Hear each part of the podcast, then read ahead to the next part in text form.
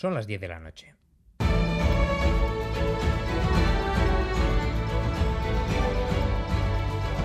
Radio Euskadi y Radio Vitoria. Servicios informativos.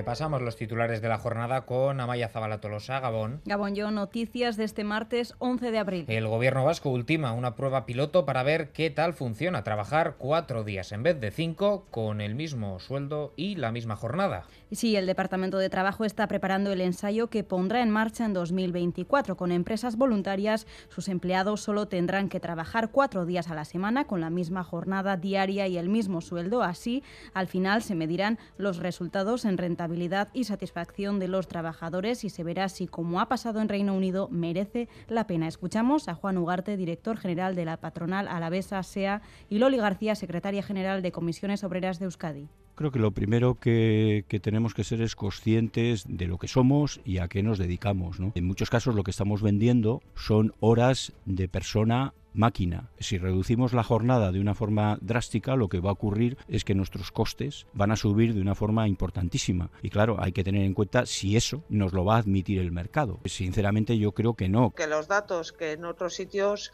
demuestran que hay un mejor ambiente de trabajo, que hay un incremento de la productividad incluso y bueno, pues pues no acabamos de entender y les pedimos a Confebas que recapaciten en marcha la tramitación de la ley que pretende que los bares de pueblos de menos de 200 habitantes sean declarados de interés general. La propuesta ha sido presentada en el Congreso de los Diputados por Teruel Existe y la mayoría de los grupos la han apoyado, por lo tanto, en breve comenzará su tramitación. Esta ley solicita que estos bares tengan las mismas ventajas que las asociaciones culturales, cooperativas o fundaciones, es decir, algún tipo de rebaja fiscal o, por ejemplo, la eliminación de las licencias para la venta de determinados productos. Orexa es uno de los municipios con menos de 200 habitantes de Guipúzcoa, tiene 114 y sí, tiene bar. El Ostatu es del ayuntamiento, pero lo gestiona Pello Garmendia, quien nos ha transmitido la función social que ejerce en el municipio. Pues yo creo que es una de las partes más importantes de un pueblo como Orexa. Es, el centro social, es el sitio de reunión. Un pueblo sin un sitio de encuentro, pues es un pueblo casi que no tiene vida. El Fondo Monetario Internacional ha mejorado sus previsiones para la economía española. Según el organismo, este año el conjunto del Estado crecerá un 1,5% a la cabeza de Europa, pero ojo al mensaje que ha lanzado el responsable del organismo, Pierre Olivier Gurinchas, quien reconoce que hay cierto nerviosismo en los mercados.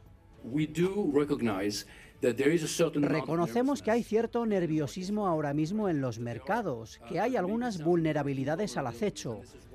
Por eso es importante que las autoridades regulatorias investiguen cuáles pueden ser esos aspectos vulnerables que pueda haber tanto en el sector bancario como fuera de él.